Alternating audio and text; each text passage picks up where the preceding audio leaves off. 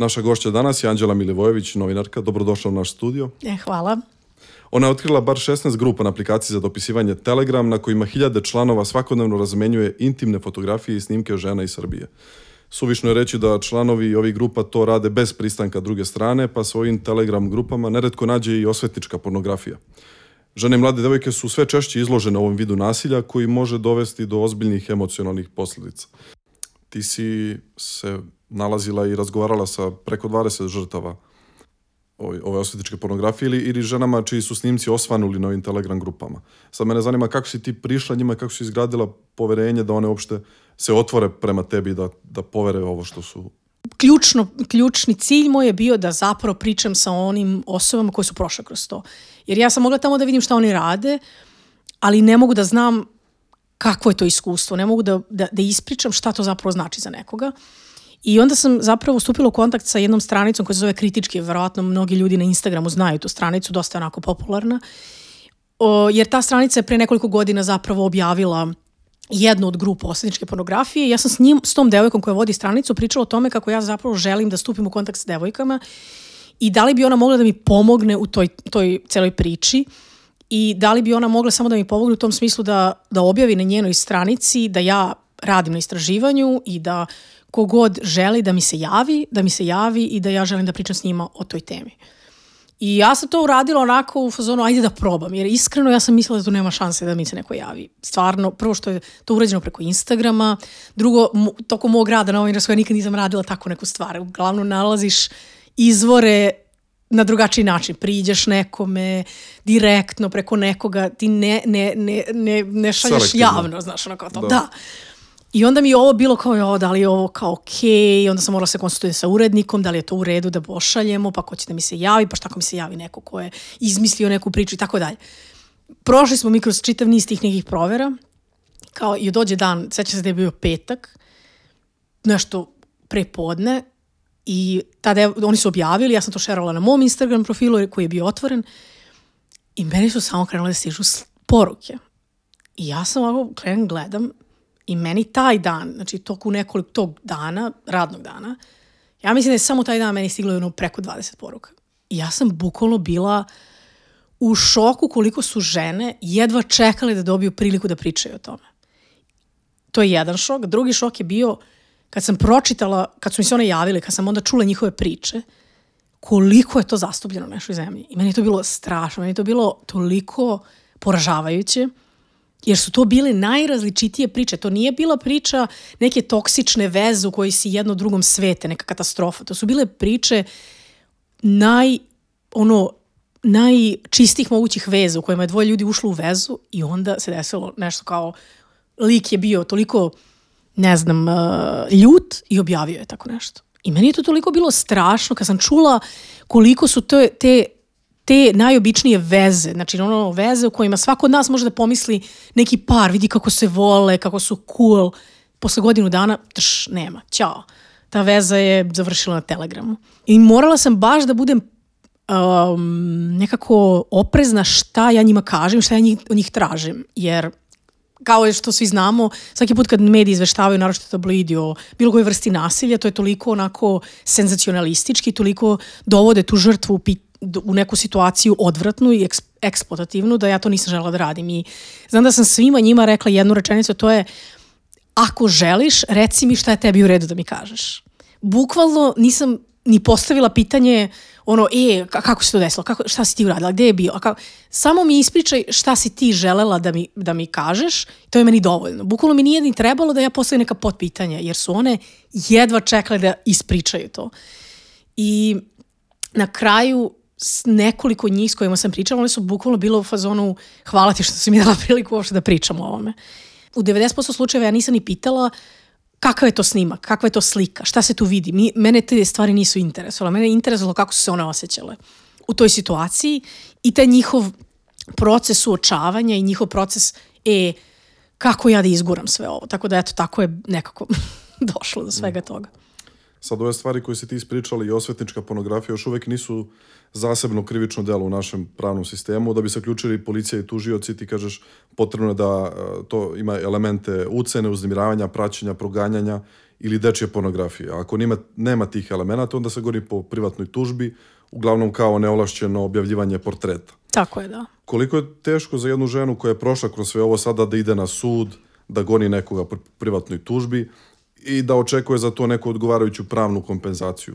To jest, da li je uopšte vredno za njih da prolaze kroz ovaj proces? Možda, da li su ti rekli nešto o tome kada si im pomenuo? Pa jesu ja mislim da je ek, veoma teško. Za bilo koga ko želi da ostvari pravdu u ovoj zemlji, bilo šta je teško. Mislim, bilo koga je pokušao da ode da nešto reši na sudu, zna koliko je to teško. E sad, ovo je još više teško, zbog to, još teže, zato što Uh, bilo koja tih žena koja se odluči da prijavi osvetničku pornografiju ili ti ovo seksualno nasilje, treba da bude svesna da te snimke koje ona treba da prijavi će da gledaju neki policajci, će da gledaju neki tužioci i gledat će neki sud.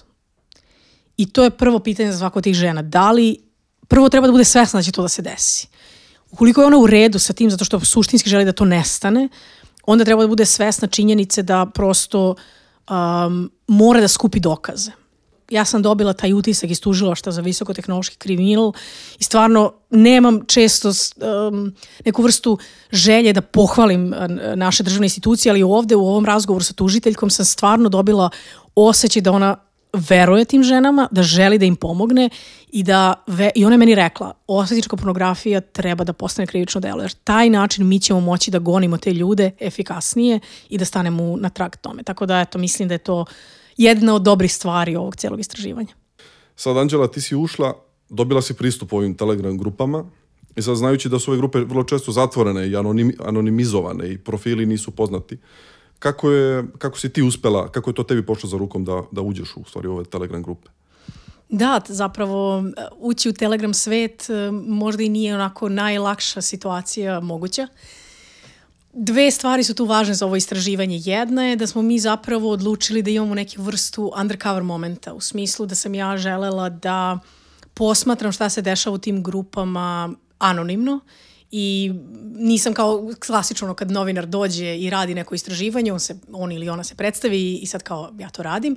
E ovo je poenta bila da ja anonimno pratim šta se dešava u grupama. Da bi ja uopšte našla te grupe, uh, uradila sam čitav niz stvari koje su trajale nekoliko meseci. Meni se čini da je to bilo tako dosta a, sporo. Ako se slušalci sećaju, 2021. je bila a, vest da je postavljena grupa koja se zove Nišlike. I ta grupa je tada ugašena. Međutim, neko, u medijima, ne nužno u medijima, nego na društvenim mrežama su ostale informacije o adminima tih grupa i o članovima tih grupa. I onda sam ja pokušala da nađem admina, međutim admina nema nigde, e onda sam našla neke druge članove na Telegramu, pa kroz nalaženje njih sam našla u kojim grupama su oni članovi. I onda sam zapravo tako uspela prvu grupu da nađem.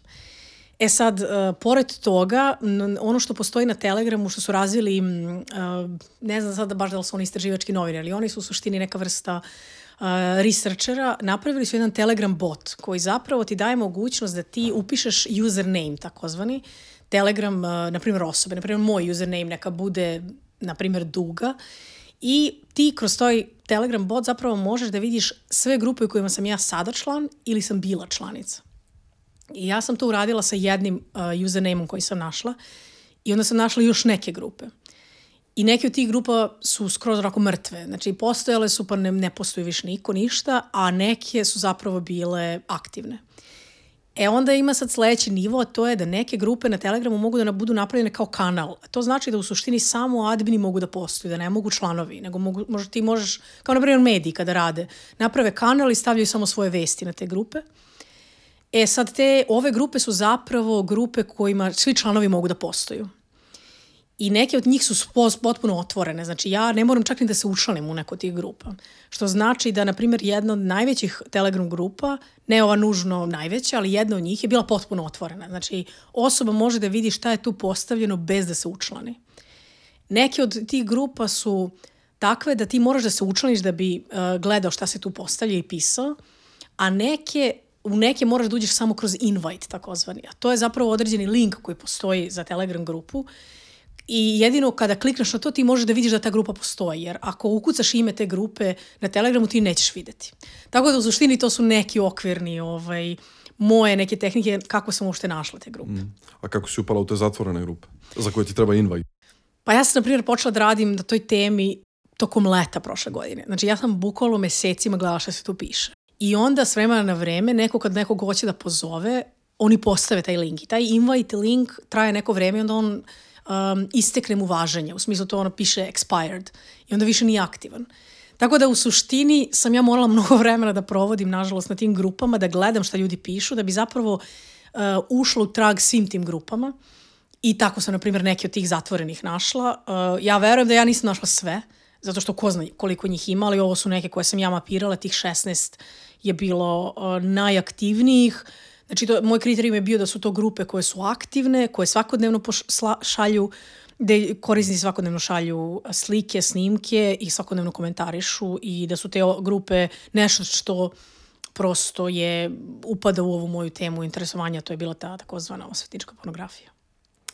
I šta je na tebe ostavilo najveći utisak dok si bila u tim grupama? Dakle, tu se deli raznorazni pornografski sadržaj, ali ti si ukačila prateći ih pomno da, da ima i te osvetničke pornografije. Tako. Ti kad odeš na tu grupu, prva stvar koja ti piše, tamo su pravila grupe. A u pravilima piše nema pornografije, nema maloletničke pornografije, nema intimnih snimaka, nema kontakata, nema razmene, nema deljenja privatnih informacija. I to sve tamo piše, ali to se zapravo ne dešava.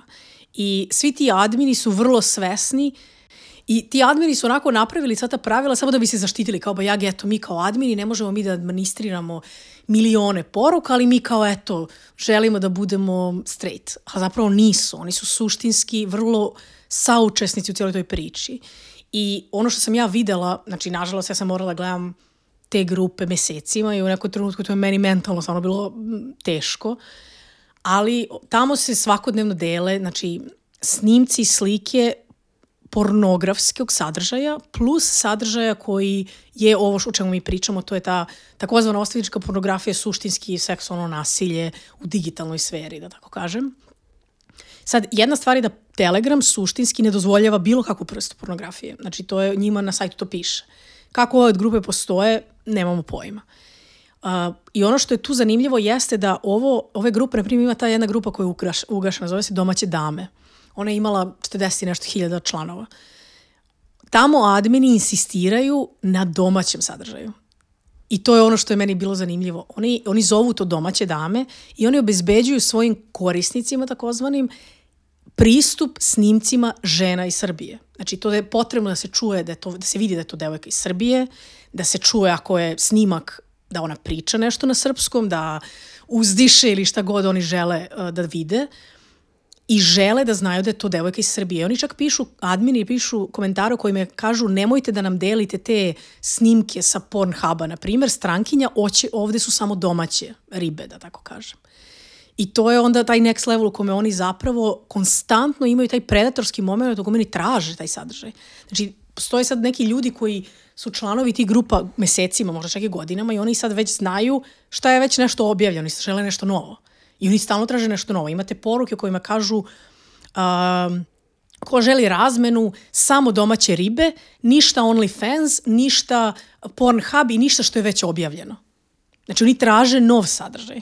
Pomenula si razmenu šta, i koje kakve terminologije koje oni tamo koriste. Šta znači ta razmena? Da, to je, to je sad kao opet sam ušla u taj njihov svet kako oni razmenju, šta oni zapravo rade. Ti imaš uh, likove koji na primjer napišu razmena Aleksinac, razmena Kruševac. Ima neka uh, um, nima neko za razmenu Novi Sad, Beograd, Voždovac, šta god. Suštinski šta to znači jeste da oni imaju, da oni ili nude snimke devojaka iz tog nekog grada ili mesta ili traže kao ta konkretno mesto. I to je ta razmena, uh, jer žele, na primjer, da razmenjuju u privatnim porukama. I sad to, na primjer, ta jedan, jedna osoba koja, na primjer, ima snimke neke devojke iz Kragujevca, na primjer, on kaže, hoće neko razmena Kragujevac. I sad se njemu ko zna koliko ljudi javi i on ima šaljete snimke. I to je, na primjer, jedan od načina koji oni uh, dele te. A nekad je, na primjer, pošalju jedan snimak i pokažu, evo imam ovo, ima od ove imam još XY, ko hoće, neka mi se javi privatno DM. I to je bukvalno razrađen sistem, znači to je jedno tržište razmenjivanja snimaka koje je bukvalno je toliko razrađeno da sam ja bila u početku malo u šoku koliko su oni ja nisam znala šta znači na početku te poruke. Ja sam bila znam šta ovo, šta je sad ovo kao kakva razmena, ko kome šta tu radi, šta se tu dešava, to je ne znam, baš mi je onako bilo čudno da, da razumem šta oni hoće i onda na kraju ti shvatiš šta to zapravo znači. A na jednoj grupi je osvano broj jedne devojke, pa se on, admin dal grupe se javio toj devojci na Viber i napisao e, ovde je neko okačio tvoj broj, kao, molim te vidi. Tako je. To stvarno tako Taj, ta, ta osoba, postoji taj neki, neka osoba, ja ne znam ko je to i dalje nisam saznala, um, neki kao Robin Hood, na primjer, to je osoba koja navodno je muškarac, ja sam ne znam da li je muško, koja ide u naokolo i javlja devojkama kada vidi da su se objavile privatne slike, snimci, kontakt, šta god, ako se šeruju njihovi Instagram profili, javlja im da ih upozori. Što je meni onako potpuno neki zanimljiv moment, ako je to muškarac i ako je to neka osoba koja svoje slobodno vreme potroši tako što će da upozorava devojke da ih neko potencijalno će da ih zloupotrebljava, meni je to potpuno divno. Ne znam ko je to, ali ta osoba shvata problem. Ovo je bila Anđela Milivojević, ona će nastaviti da prati ovu tešku društvenu problematiku, a vi nastavite da nas slušate petkom na YouTube kanalu i streaming platformama. Pozdrav!